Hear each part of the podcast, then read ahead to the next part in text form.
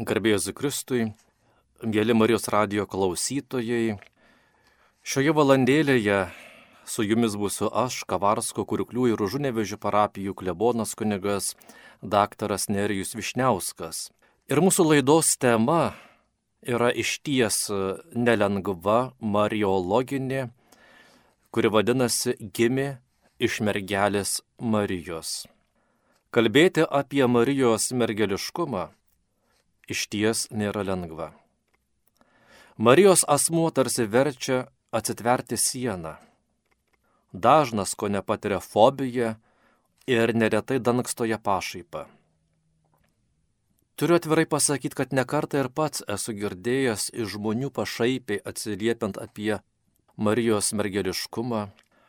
Ir turbūt daugeliu žmonių būtų lengviau priimti Jėzaus gimimą iš Marijos kaip moters, negu kaip iš mergelės Marijos. Kad tai suprastume, čia panagrinėsime šventąjį raštą, bažnyčios susirinkimus, vėliau priimtas dogmas, kad geriau pažintume Marijos paveikslą. Žodžiu, visi kartu šią valandėlę šioje laidoje pabūsime mariologais. Dabar pažvelgsime į tas šventojo rašto vietas, kuriuose užsimenama apie tai, kad Mesijas gims iš mergelės. Pažvelgsime, ką mums sako pirmasis mariologas evangelistas Lukas ir žinoma apaštalas Paulius. Paklausykime. Pranašo Izaijo knyga. Todėl pats viešpats duos jums ženklą. Štai ta mergelė laukėsi, jie pagimdys sūnų ir pavadins jį Emanuelio vardu. Varškė ir medumi jis maitinsis, kai mokės atmesti kas piktą ir rinktis kas gerą. Toliau Michėjo knyga mums kalba. Todėl jis paliks juos lik laiko, kai iščiose nešiojantį kūdikį bus pagimdžiusi, tuomet jo giminių likučiai sugrįž pas Izraelio vaikus. Ir evangelistas Lukas mums kalba. Šeštame mėnesyje angelas Gabrielius buvo Dievo pasiustas į Galilėjos miestą, kuris vadinasi Nazaretas. Pas mergelę sužadėta su vyru vardu Juozapas, iš Dovido namų. O mergelės vardas buvo Marija. Atėjęs pas ją angelas tarė, sveika malonėmis apdovanotoji, viešpat su tavimi. Išgirdusi šiuos žodžius jis sumišo ir galvojo savo, ką reiškia toks sveikinimas. O angelas jai tarė, nebijok Marija, tu radai malonę pas Dievą. Štai tu pradėsi iščios ir pagimdysi sūnų, kurį pavadinsi Jėzumi. Jisai bus didis ir vadinsis aukščiausiu jo sūnus. Viešpats Dievas duos jam jo tėvo Dovido sostą. Jis viešpataus Jokūbo namuose per amžius ir jo viešpatavimui nebus galo. Marija paklausė Angelą, kaip tai įvyks jeigu aš nepažįstu vyro. Angelas jai atsakė, šventoji dvasia nužengs ant tavęs ir aukščiausio galybė pridengs tave savo šešėliu. Todėl ir tavo kūdikis bus šventas ir vadinamas Dievo sūnumi. Antai tavoji giminaitė Elsbieta pradėjo sūnų senatvėje. Ir šis mėnuo yra šeštas tai, kuri buvo laikoma nevaisinga. Nes Dievui nėra negalimų dalykų. Tada Marija atsakė, štai aš viešpaties tarnaitė, te būna man, kaip tu pasakėjai. Ir angelas pasitraukė. Apaštalų darbuose rašoma. Tada atvėręs lūpas Petras pasakė, iš tiesų aš dabar suprantu, jog Dievas nėra šališkas. Jam brangus kiekvienos tautos žmogus kuris jo bijo ir teisingai gyvena. Jis pasiuntė savo žodį Izraelio vaikams ir per Mesiją Jėzų paskelbė gerąją taikos naujieną. Šitas yra visų viešpats. Jūs žinote, kas yra įvykę visoje judėjoje, pradedant nuo Galilėjos, po Jono skelbtojo krikšto. Kalbama apie Jėzų iš Nazareto, kaip Dievas jį patepė šventąją dvasę ir galybę, kaip jis vaikščiojo darydamas gerą ir gydydamas visus velnio pavirktuosius, nes Dievas buvo su juo. Dabar pažvelgsime į bažnyčios mokymą apie Mariją, kuris sako mums, ji visuomet mergelė. Gilindama savo tikėjimą mergeliškąją Marijos motiniste, bažnyčia ėmė išpažinti, kad Marija visuomet liko tikra mergelė. Dabar trumpai apžvelkime keletą dogmų. Pradėkime tą, dėl kurios labiausiai ginčiamasi, kuri labiausiai provokuojama iš visų. 553 metais Konstantinopolio susirinkime suformuota nuolatinio mergeliškumo dogma. Ar tai biologinis atvejis? O gal reiškia visai ką kitą? Kartais atrodo tam prieštarauja Evangelija, nes ji mini Jėzaus brolius ir seseris. Bažnyčia visuomet suprato, kad tie tekstai nenurodo kitų mergelės Marijos vaikų. Iš tiesų Jokūbas ir Juozapas, Jėzaus broliai, yra sūnus Marijos, Kristaus mokinys, kuri pabrėžtinai vadinama kita Marija. Pagal žinomą Senojo testamento posakį, tai artimi Jėzaus giminaičiai. Jėzus yra vienintelis Marijos sūnus. Tačiau dvasinė Marijos motinystė apima visus žmonės, kurių išganyti jis yra atėjęs. Ji pagimdė sūnų, Dievas skirta būti pirmgimiu iš daugelio brolių. Skaitome laiškė romiečiams. Tai yra tikinčiųjų, prie kurių gimimo ir auklėjimo ji prisideda motinos meilė. Taigi, tesdami minti apie Jėzaus brolius ir seseris, remiantis Evangelijomis, jokių būdų negalima daryti išvados, kad Kristus turėjo tikrų brolių ir seserų, o Marija po jo dar kartą tapo motina. Priešingai. Sūnaus ryšio ypatingumas ir unikalumas toks akivaizdus, kad brolių ir seserų savoka teisingai gali būti aiškinama tik klano kontekste. Marija buvo skirta jam, dėl to negalėjo priklausyti niekam kitam. Pirmiausiai todėl, kad šis gimimas įvyko ne dėl ryšio su vyru, o dėl paties Dievo įsikišimo. Kai šiandien sakoma, kągi, vis dėlto čia negali būti jokio biologiškumo ir biologiškumas atmetamas kaip nevertas Dievo, pakvimpa manicheizmu. Manicheizmas tai griežtai dualistinis religinis judėjimas, gyvavęs 3-13 amžiuose ir savyje jungęs krikščionybės gnosticizmo, budizmo, zoroastrizmo ir kitų religijų bruožus. Manicheizmas atsirado tuo laikmečiu, kai krikščionybė dar tik plito, o senoji romėnų religija silpo. Mat žmogus - tai ir biologija. Jeigu jis nedalyvauja taip pat ir kūnu, biologiškai, tai materija savotiškai paniekinama ir atmetama tada tapimas žmogumi tik tariamybė. Kalbama apie visą žmogų. Toks atsakymas į tai. Dievas paėmė į savo rankas taip pat ir gyvybę - fizinę, biologinę, materialę ir ją pažymėjo ženklu. Bažnyčios tėvai šiuo atveju rado gražų vaizdinį. Ezekielio knygos 40 skyriuje pateikiama naujosios šventyklos vizija ir kalbama apie rytinius vartus. Pro juos nevalia įžengti niekam kitam, tik karaliui. Tėvai čia išvelgia tam tikrą vaizdinį.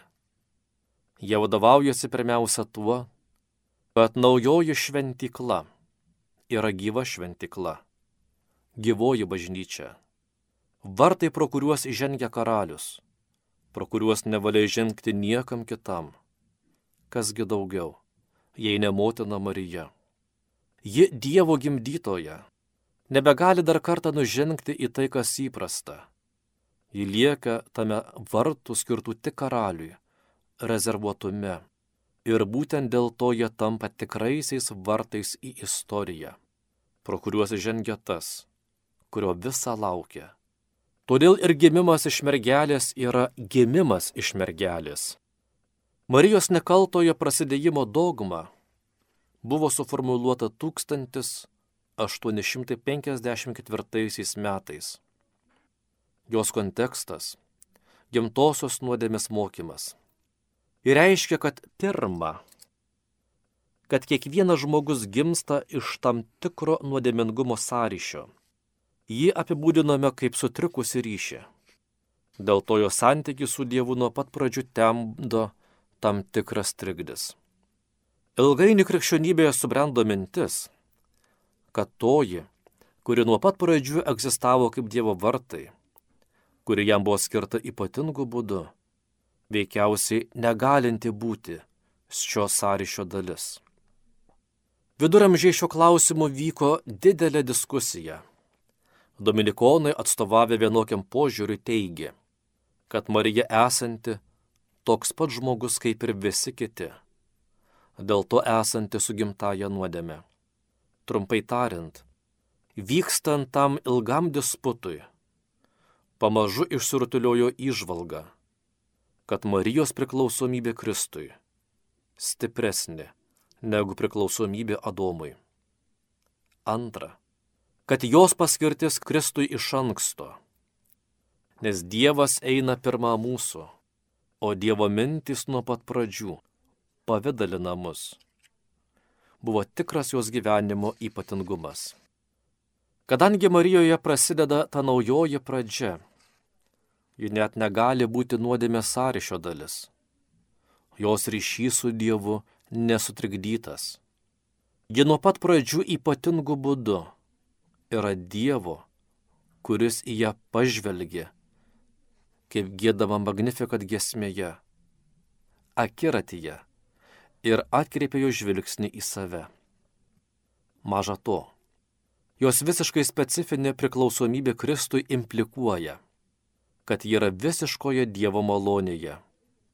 Angelo žodžius malonės pilnoji, kurie iš pradžių atrodo tokie paprasti, galima aiškinti ir taip, kad malonė esmingai apgaubia visą jos gyvenimą. Galiausiai šiais žodžiais išsakoma ne tik privilegija Marijai, bet ir viltis, svarbi visiems mums. Dabar pažvelgsime į kitą labai svarbę mūsų tikėjimo tiesą. Tai Jėzaus prasidėjimas iš šventosios dvasios ir jo gimimas iš mergelės. Apreiškimas Marijai pradėjo laiko pilnatvę, skaitome laiškė Galatams, kai išsipildo pažadai ir baigėsi pasiruošimas. Marija yra kviečiama priimti tą, kuriame kūniškai gyvena visa dievystės pilnatvė. Vėl skaitome laiške kolosiečiams. Dieviškasis atsakas jos klausimą. Kaip tai įvyks? Jeigu aš nepažįstu vyro, nurodė dvasios galybę. Šventoji dvasia nužengs ant tavęs, rašo evangelistas Lukas. Šventosios dvasios misija visada esti sujungta ir suderinta su sunaus misija. Šventoji dvasia, viešpats gaivintojas, siunčiama pašventinti mergelės Marijos iščių ir dievišku būtų padaryti ją vaisingą, kad ji pradėtų amžiną į tėvo sūnų, gausinti iš jos žmogiškąją prigimtį. Vienatinis tėvo sūnus, kai žmogus pradėtas mergelės Marijos iščiose, yra Kristus. Šventosios dvasios pateptasis, nuo pat savo žmogiškojo buvimo pradžios, nors kaip toks apreikštas palaipsniui, pirmiausia piemenims, išminčiams, Jonui Krikščitotojui, mokiniams. Visas Jėzaus Kristaus gyvenimas rodo, kaip Dievas jį patepė šventąją dvasę ir galybę skaitome apaštalų darbuose. Tai, kad katalikų tikėjimas skelbia apie Mariją, remiasi tuo, ką jis skelbia apie Kristų. O tai, ko šis tikėjimas moko apie Mariją, savo ruoštų nušviečia tikėjimą į Kristų. Iš ankstinis Marijos paskirimas Dievo plane. Apaštulo Paulius laiškė Galatams rašoma, Dievas atsiuntė savo sūnų, bet kad paruoštų jam kūną, panorėjo laisvo kūrinio bendradarbiavimo. Todėl savo sūnaus motiną jis nuo amžių išsirinko Izraelio dukrą, jauną žydaitę, iš Galilėjos Nazareto. Mergelė sužadėta su vyru vardu Juozapas iš Dovido namų, o mergelės vardas buvo Marija, rašo evangelistas Lukas. Gailestingumo tėvas norėjo, kad iš anksto paskirtoji motina pareikštų savo sutikimą prieš sūnui įsikūnijant. Įdant tokiu pat būdu, kokiu moteris prisidėjo prie mirties, ji būtų prisidėjusi ir prie gyvybės, moko Vatikano antrasis susirinkimas, dogminėje konstitucijoje apie bažnyčią. Senosios sandoros metu Marijos misiją ruošė šventosios moterys.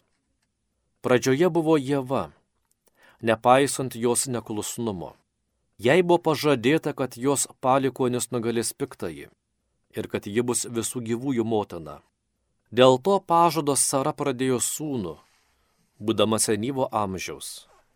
Priešingai visiems žmonių lūkesčiams, kad liktų ištikima savo pažadams, Dievas pasirinkdavo tai, kas pasauliui atrodo silpna. Samuelio motina Hana, Debora, Ruta, Judita, Estera ir daugelį kitų moterų. Marija užima pirmąją vietą tarp viešpaties nuolankiųjų ir vargdienių, kurie viltingai iš jo tikis ir sulaukia išganimo. Galiausiai su ja, prakilnėjęs Jono dukterimi, ilgai laukus pažado išsipildymo, ateina laikų pilnatvė ir prasideda nauja išganimo santvarka. Dabar atidžiau panagrinėsime nekaltojo prasidėjimo dogmą, kurią, kaip jau minėjome, 1854 metais paskelbė popiežius Pijus IX. Kad galėtų būti gelbėtojo motina, Marija buvo Dievo apipilta tokio uždavinio virtomis dovanomis angelas Gabrielius. Apreiškimo metu jie sveikina kaip malonėmis apdovanotoje. Iš tiesų, kad galėtų savo tikėjimui laisvai pritarti jai apreikštam pašaukimui, ji turėjo būti pilna Dievo malonės. Amžiams bėgant bažnyčia suvokė, kad Dievo malonėmis apdovanotoji Marija buvo atpirkta nuo pat savo prasidėjimo momento. Tai išpažįstama nekaltojo prasidėjimo dogma. Popiežiaus Pijaus IX paskelbta 1854 metais. Joje rašoma. Švenčiausioji mergelė Marija. Nuo pirmos prasidėjimo akimirkos. Ypatinga visagalio Dievo malone ir privilegija. Dėl žmonijos atpirkėjo Jėzaus Kristaus nuopelnu buvo apsaugota nuo gimtosios nuodėmės ir nekiek jos nesutepta. Pijus IX bulė inefabilis dėjus. Dievo pasiuntinys arkangelas Gabrielius apsireiškęs švenčiausiai mergeliai Marijai ir sveikindamas ją pasakė, kad ji yra pilna Dievo malonės Bažnyčia seniai laikėsi tradicijos, jog dėl numatyto Dievo sūnaus gimimo ir jo išganimą teikiančios mirties specialia Dievo privilegija Marija jau pačiame pradėjimo momente buvo apsaugota nuo gimtosios nuodėmės. Ketveriems metams praėjus po dogmos paskelbimo 1858 kovo 25 dieną Ten vietinė keturiolikmetė mergaitė Bernadetai Siburu. Liurdė apsireiškusi Marija paklausta mergaitės, koks jos vardas atsakė - Aš nekaltasis prasidėjimas. Švenčiausios mergelės Marijos nekaltas prasidėjimas Tai yra, kad mergelė Marija nuo pat jos pradėjimo akimirkos buvo apsaugota nuo pirmama pradės kalties. Taip pat josios paėmimas į dangų su sielo ir kūnu - tai yra kita dogma. Pirmiausiai turi būti siejama su Evangelijos pagal Luką pirmuoju skyriumi, kur yra užrašytas Angelo Gabrieliaus ateimas pas mergelę ir jo pasveikinimas. Atėjęs pas ją, angelas tarė, sveika, malonėmis apdovanotoji, viešpat su tavimi. Taigi remdamasi šiais angelo žodžiais matome, kad Marija buvo Dievo malonės pilna, o pats Dievas buvo su ja. Angelas Marijai nesako, nebijok Marija, bet sako, nebijok, malonės pilnoji. Malonė yra Marijos tapatybė. Marija yra ta, kuri maloni pačiam Dievui. Jos malonė pirmiausiai susijusi su tuo, apie ką jai angelas kalba - kad jos misija tapti mesijo motina. Tačiau Marijos misija vien tuo nesibaigia. Marija Dievui patinka kaip asmuo ir kaip asmuo į jam tokia brangi. Taip pat švenčiausios mergelės Marijos asmuo padeda atrasti tikėjimo vienovės sintezę. Ji yra nepadalytos, vientisos malonės ikona. Nes malonė reiškia tiek dieviškojo palankumo, tiek asmeninio šventumo pilnatvę. Tokiu būdu liudyja ji paties Dievo buvimą, labiausiai suprantamu būdu. Kartu fiziniu ir dvasiniu ir nurodo šio buvimo pasiekime tai, dėl ko Marija yra Marija. Ir niekas kitas nėra į ją panašus, net turėdamas tą pačią dvasę, kuri pašventino Marijos sielą. Remianti žinomų teologijos principų, malonė yra šlovės pradžia. Tai reiškia, kad malonė tam tikra prasme sudabartina amžinai gyvenimą leidžia mums matyti ir jausti Dievą jau šiame gyvenime. Todėl malonė kartu yra ir Dievo artumas. Du išsireiškimai - malonės pilnoji ir viešpat su tavimi - yra beveik tas pat.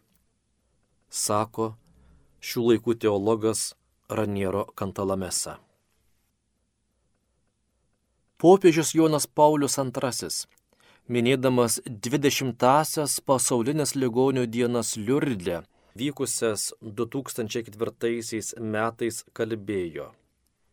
Nekaltasis prasidėjimas yra aušra, žadanti spindinčią Kristaus savo mirtimi bei prisikėlimu atkursiančio visišką Dievo ir žmogaus santykio dermę dieną.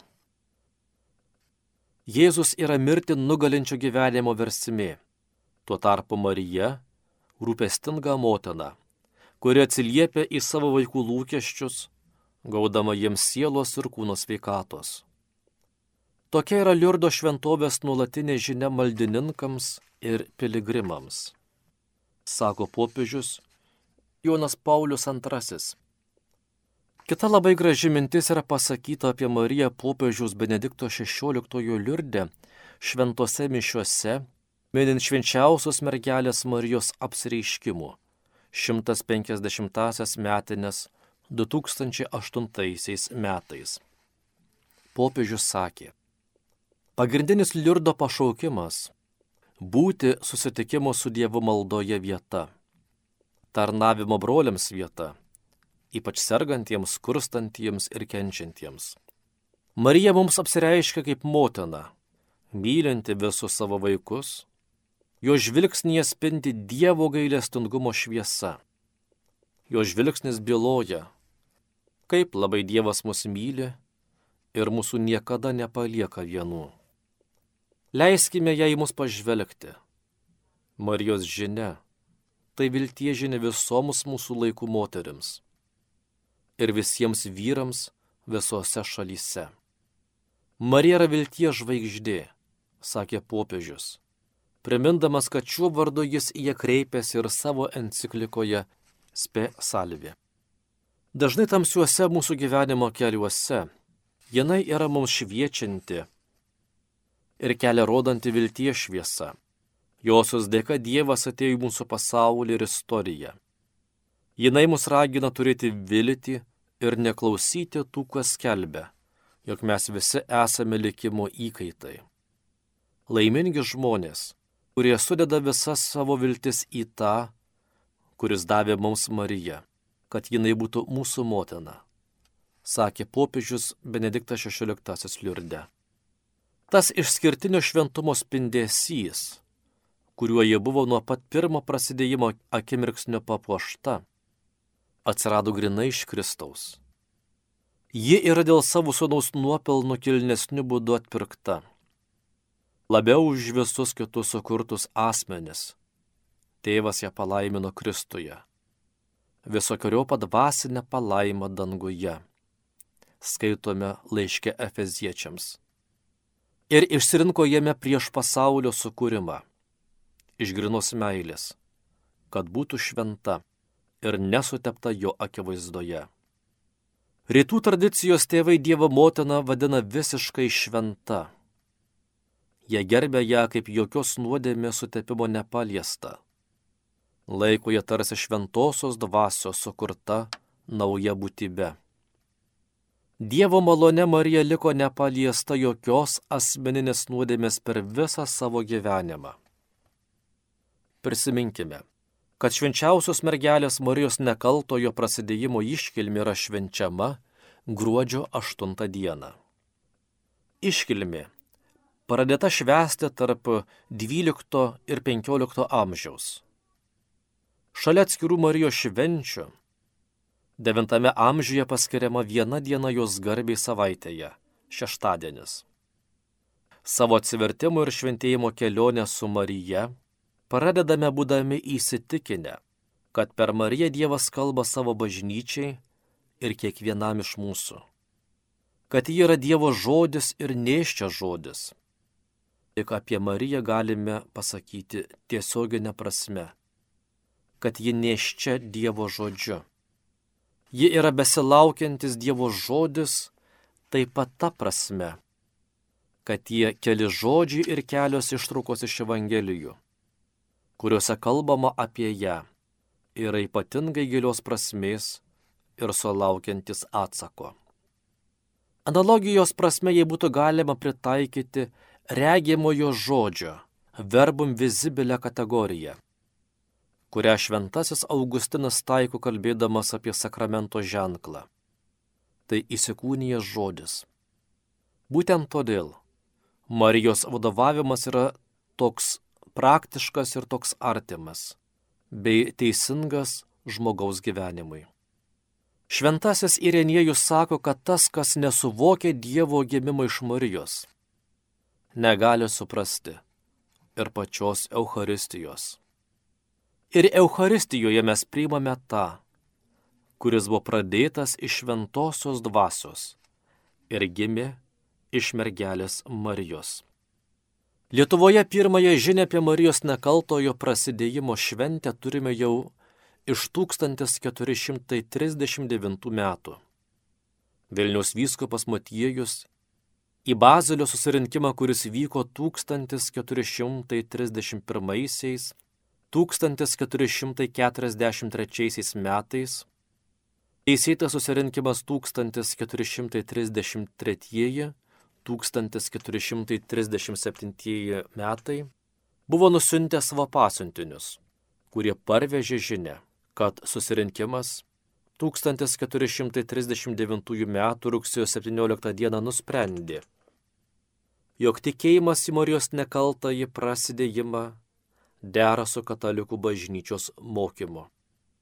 Su šventuoju raštu ir sveiku protu, todėl visų turi būti priimtas ir išpažįstamas, o priešingant nuomonė draudžiama skelbti.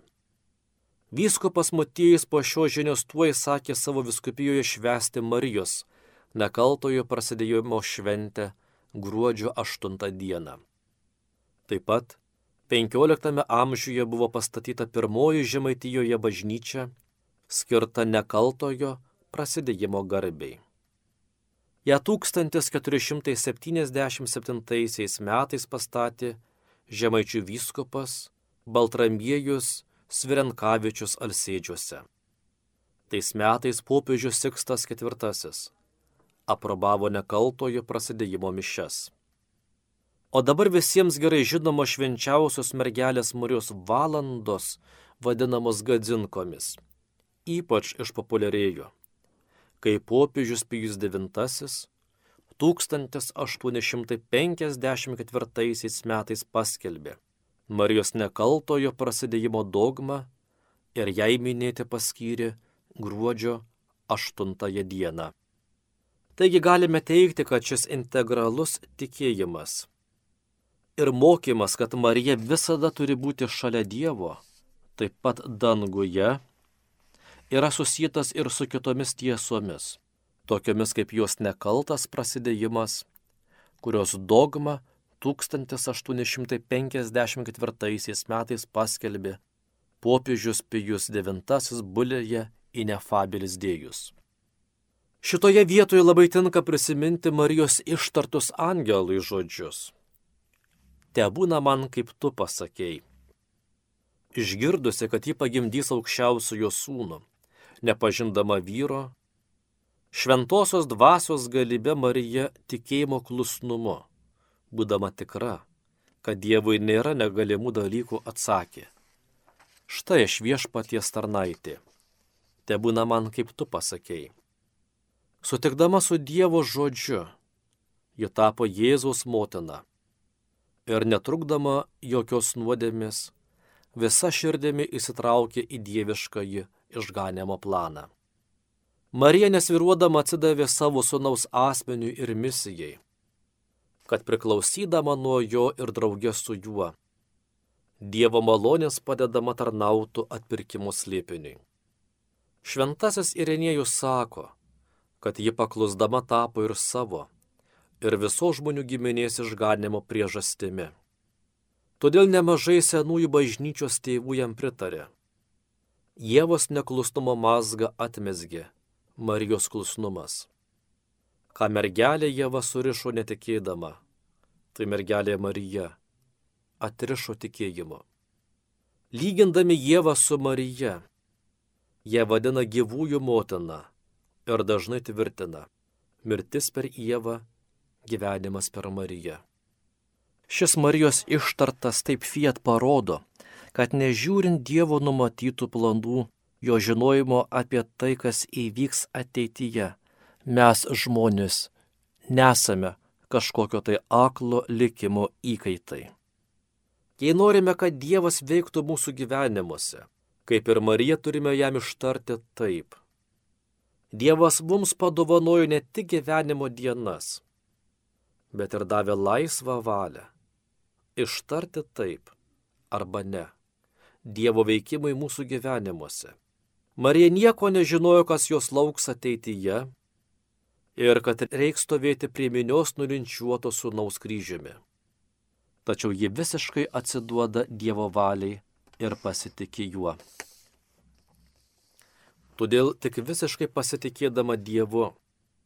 Evangelijose Marija vadinama Jėzaus motina, o dar prieš sunaus gimimą šventai dvasiai kvėpus, ji buvo džiugiai pavadinta mano viešpaties motina. Iš tiesų tas, kurį pradėjo šventosios dvasios kaip žmogų ir kuris iš tikrųjų tapo jos sūnumi pagal kūną, yra ne kas kitas, kaip amžinojo tėvo sūnus. Antrasis - švenčiausios trejybės asmuo. Bažnyčia išpažįsta, kad Marija tikrai yra Dievo motina. Grįžtant prie Marijos nekaltojo prasidėjimo tiesos, reikia pažymėti, kad žmonės labai dažnai maišo dvi skirtingas tikėjimo tiesas. Jų formuluotė labai panaši, tačiau jos abi yra labai skirtingos. Tai jau mūsų minėta gruodžio aštuntosios iškilmė, kuri susijusi su Marijos asmeniu, kad ji gimė be gimtosios nuodėmės. Tai Marijos nekaltasis prasidėjimas. O kovo 25 dieną bažnyčios liturgijoje yra nekaltojo pradėjimo iškilmi, kurią švenčiame Jėzaus pradėjimą iš šventosios dvasios. Todėl turime gerai įsidėmėti ir visada atsiminti. Tai dvi skirtingos tiesos, nors iš pirmo žvilgsnio labai panašiais pavadinimais. Marijos mergeliškumas. Kalbant mūsų tema, kad Jėzus gimė iš mergelės, norisi pakalbėti ir apie Marijos mergeliškumą. Jau pirmuose tikėjimo apibrėžimuose bažnyčia išpažino, kad Jėzus buvo pradėtas mergelės Marijos iščiose, vien šventosios dvasios gale. Ir patvirtino kūnišką šio įvykio aspektą. Jėzus buvo pradėtas iš šventosios dvasios besėklos. Moko Laterano susirinkimas įvykęs 649 metais. Bažnyčios tėvai mergeliškajame Jėzaus prasidėjime regi ženklą, kad Dievo sūnus gimė tikrai turėdamas tokią kaip mūsų žmogišką prigimti. Antai šventasis Ignotas Antiochietis antrojo amžiaus pradžioje rašo, jūs esate tvirtai įsitikinę mūsų viešpaties tiesa. Jis iš tikrųjų kūnų yra kilęs iš Dovido giminės. Dievo sūnus, Dievo valia ir galybė tikrai gimęs iš mergelės, tikrai buvo už mus kūnų nukryžiuotas, valdant Ponsujų pilotui. Iš tikrųjų kentėjo, kaip iš tikrųjų ir prisikėlė. Evangeliniai pasakojimai mergeliškai Jėzus prasidėjimą laiko dievišku veikimu, pranokstančiu bet kurį žmogišką supratimą ir galimybes jos vaisius yra iš šventosios dvasios. Sakė angelas Juozapui apie jo sužadėtinę Mariją. Bažnyčia mato čia išsipildžiusi dieviškąjį pažadą, kurį skelbė pranašas Izaijas. Štai mergelė nešios iščiose ir pagimdys sūnų, kaip graikiškai išversta. Kartai sutrinkama dėl to, kad Šventojo Morkaus Evangelija ir Naujojo testamento laiškai nutyli mergelišką į Jėzus prasidėjimą. Gali kilti klausimas, ar tai nėra legendos arba teologinės konstrukcijos be istorinio pagrindo. Į tai reikia atsakyti. Tikėjimas mergeliškuoju Jėzus prasidėjimu susidūrė su smarke netikinčiųjų žydų ir pagonių opozicija, patyčiomis ir nesupratimu. Kaip rašo šventasis Justinas, Origenas ir kiti bažnyčios tėvai. Jis nebuvo pagristas pagonių mitologija, nei derinimusi prie to meto pažiūrų. Šio įvykio prasmė suvokiama tik tai tikėjimu kuris pasiremdamas slėpinių tarpusavio ryšiu, kaip sako Vatikano pirmasis susirinkimas, dogminėje konstitucijoje Deifilijus. Ta įvykį regi susijęta su Kristaus slėpinių visuma, nuo įsikūnyjimo iki Velykų. Tokį ryšį liudijo jau šventasis Ignotas Antiochietis, sakydamas, šio pasaulio kunigaikščiui buvo apgautas paslaptimi - Marijos mergeliškumas bei gimdymas. Taip pat viešpaties mirtis. Trys Dievo tyloje nuaidėjusios paslaptys. Čia verta prisiminti ir Marijos litaniją, kuria jau XII amžiuje buvo melžiamasi ir kuri kilo iš visų šventųjų litanijos. Jau IX amžiuje visų šventųjų litanijoje buvo minimi trys Marijos titulai - Šventoji Marija, Dievo gimdytoja ir mergelių mergelė. Mergeliškoji Marijos motinystė Dievo plane. Tikėjimo žvilgsniu apriepia apreiškimo visumą, galime atskleisti slipiningus motyvus, dėl kurių Dievas savo išganimo plane panoro, kad jo sūnus gimtų iš mergelės Tie motyvai susiję tiek su Kristaus asmeniu bei jo atperkamąją gale, tiek su Marijos sutikimu priimti tą misiją visų žmonių labui. Marijos mergystė rodo absoliučią Dievo iniciatyvą įsikūnymo metu. Jėzus neturi kito tėvo, tik Dievą. Žmogystė, kurią jis prisijėmė, niekada jo netitolino nuo tėvo. Iš prigimties jis yra tėvo sūnus savo dieviste. Iš prigimties motinos sūnus savo žmogiste tačiau iš tikrųjų Dievo sūnus savo abiem prigimtimis. Teigia Friulio susirinkimas vykęs 796 metais. Jėzus buvo mergelės Marijos iščiuose pradėtas iš šventosios dvasios, nes jis yra naujasis Adomas, duodantis pradžią naujai kūrinyjei. Pirmasis žmogus yra iš žemės, žemiškas, antrasis žmogus iš dangaus. Skaitome apaštalo Paulius pirmajame laiške kurintiečiams. Kristaus žmogystė nuo jo pat jo prasidėjimo yra pilna šventosios dvasios, nes Dievas teikia jam dvasę besaiko, rašo evangelistas Jonas. Tai iš jo, kuris yra atpirktosios žmonijos galva pilnatvės, visi esame gavę malonę po malonės teigia tas pats evangelistas. Jėzus naujasis Adomas savo prasidėjimu mergelėje pradeda naująjį Dievo įveikių gimimą, šventojoje dvasioje per tikėjimą. Kaip tai įvyks? Dieviškajame gyvenime dalyvauja ne iš kraujo ir ne iš kūno norių, ir ne iš vyro norų, bet iš Dievo, rašo evangelistas Jonas šis gyvenimas priimamas visiškai tyrai, nes žmogui jį suteikia tik dvasia. Žmogaus pašaukimo būti sužadėtam su Dievu. Prasmė tobalai įsipildė mergeliškoje Marijos motinystėje. Marija yra mergelė, nes jos mergeliškumas yra jokios abejonės nesužaloto jos tikėjimo ir neblaškomo atsidavimo Dievo valiai ženklas. Tai jos tikėjimas leido jai tapti gelbėtojo motina. Dar labiau palaiminta Marija, prieimusi Kristaus tikėjimą, negu pradėjusi Kristaus kūną. Marija būdama draugė ir mergelė ir motina yra tobulas bažnyčios paveikslas.